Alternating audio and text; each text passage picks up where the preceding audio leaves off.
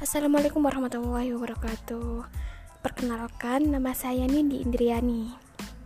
Nah, pada kesempatan ini saya akan menjelaskan tentang bagaimana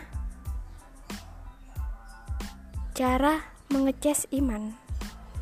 Iman itu seperti halnya baterai yang kadang full dan kadang pula lowbat.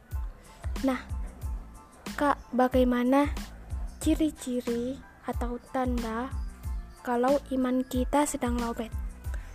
Pertama, sering melakukan maksiat, baik disengaja ataupun tidak. Dua, merasa resah. Tiga, melakukan hal-hal yang tidak baik atau menyakiti orang lain. Empat, hati menjadi hampa. Lima, kurang yakin kepada Allah. Nah, bagaimana sih cara ngecas iman itu?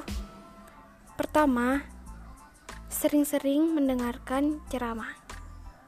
Ceramah apa, Kak? Ya tentu aja ceramah agama ya kan. Selain menambah ilmu, ternyata menambah iman juga loh.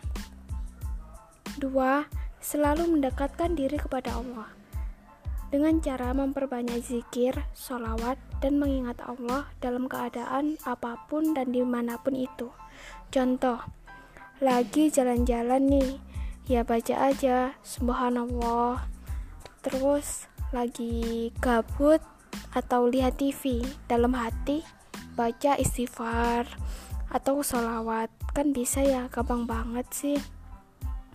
Terus yang ketiga, memperbanyak sholat sunnah seperti sholat malam atau tahajud, sholat duha, dan sebagainya.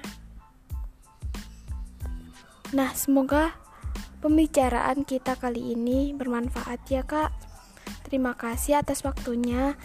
Wabil taufiq wal hidayah, waridha wal inayah. Wassalamualaikum warahmatullahi wabarakatuh.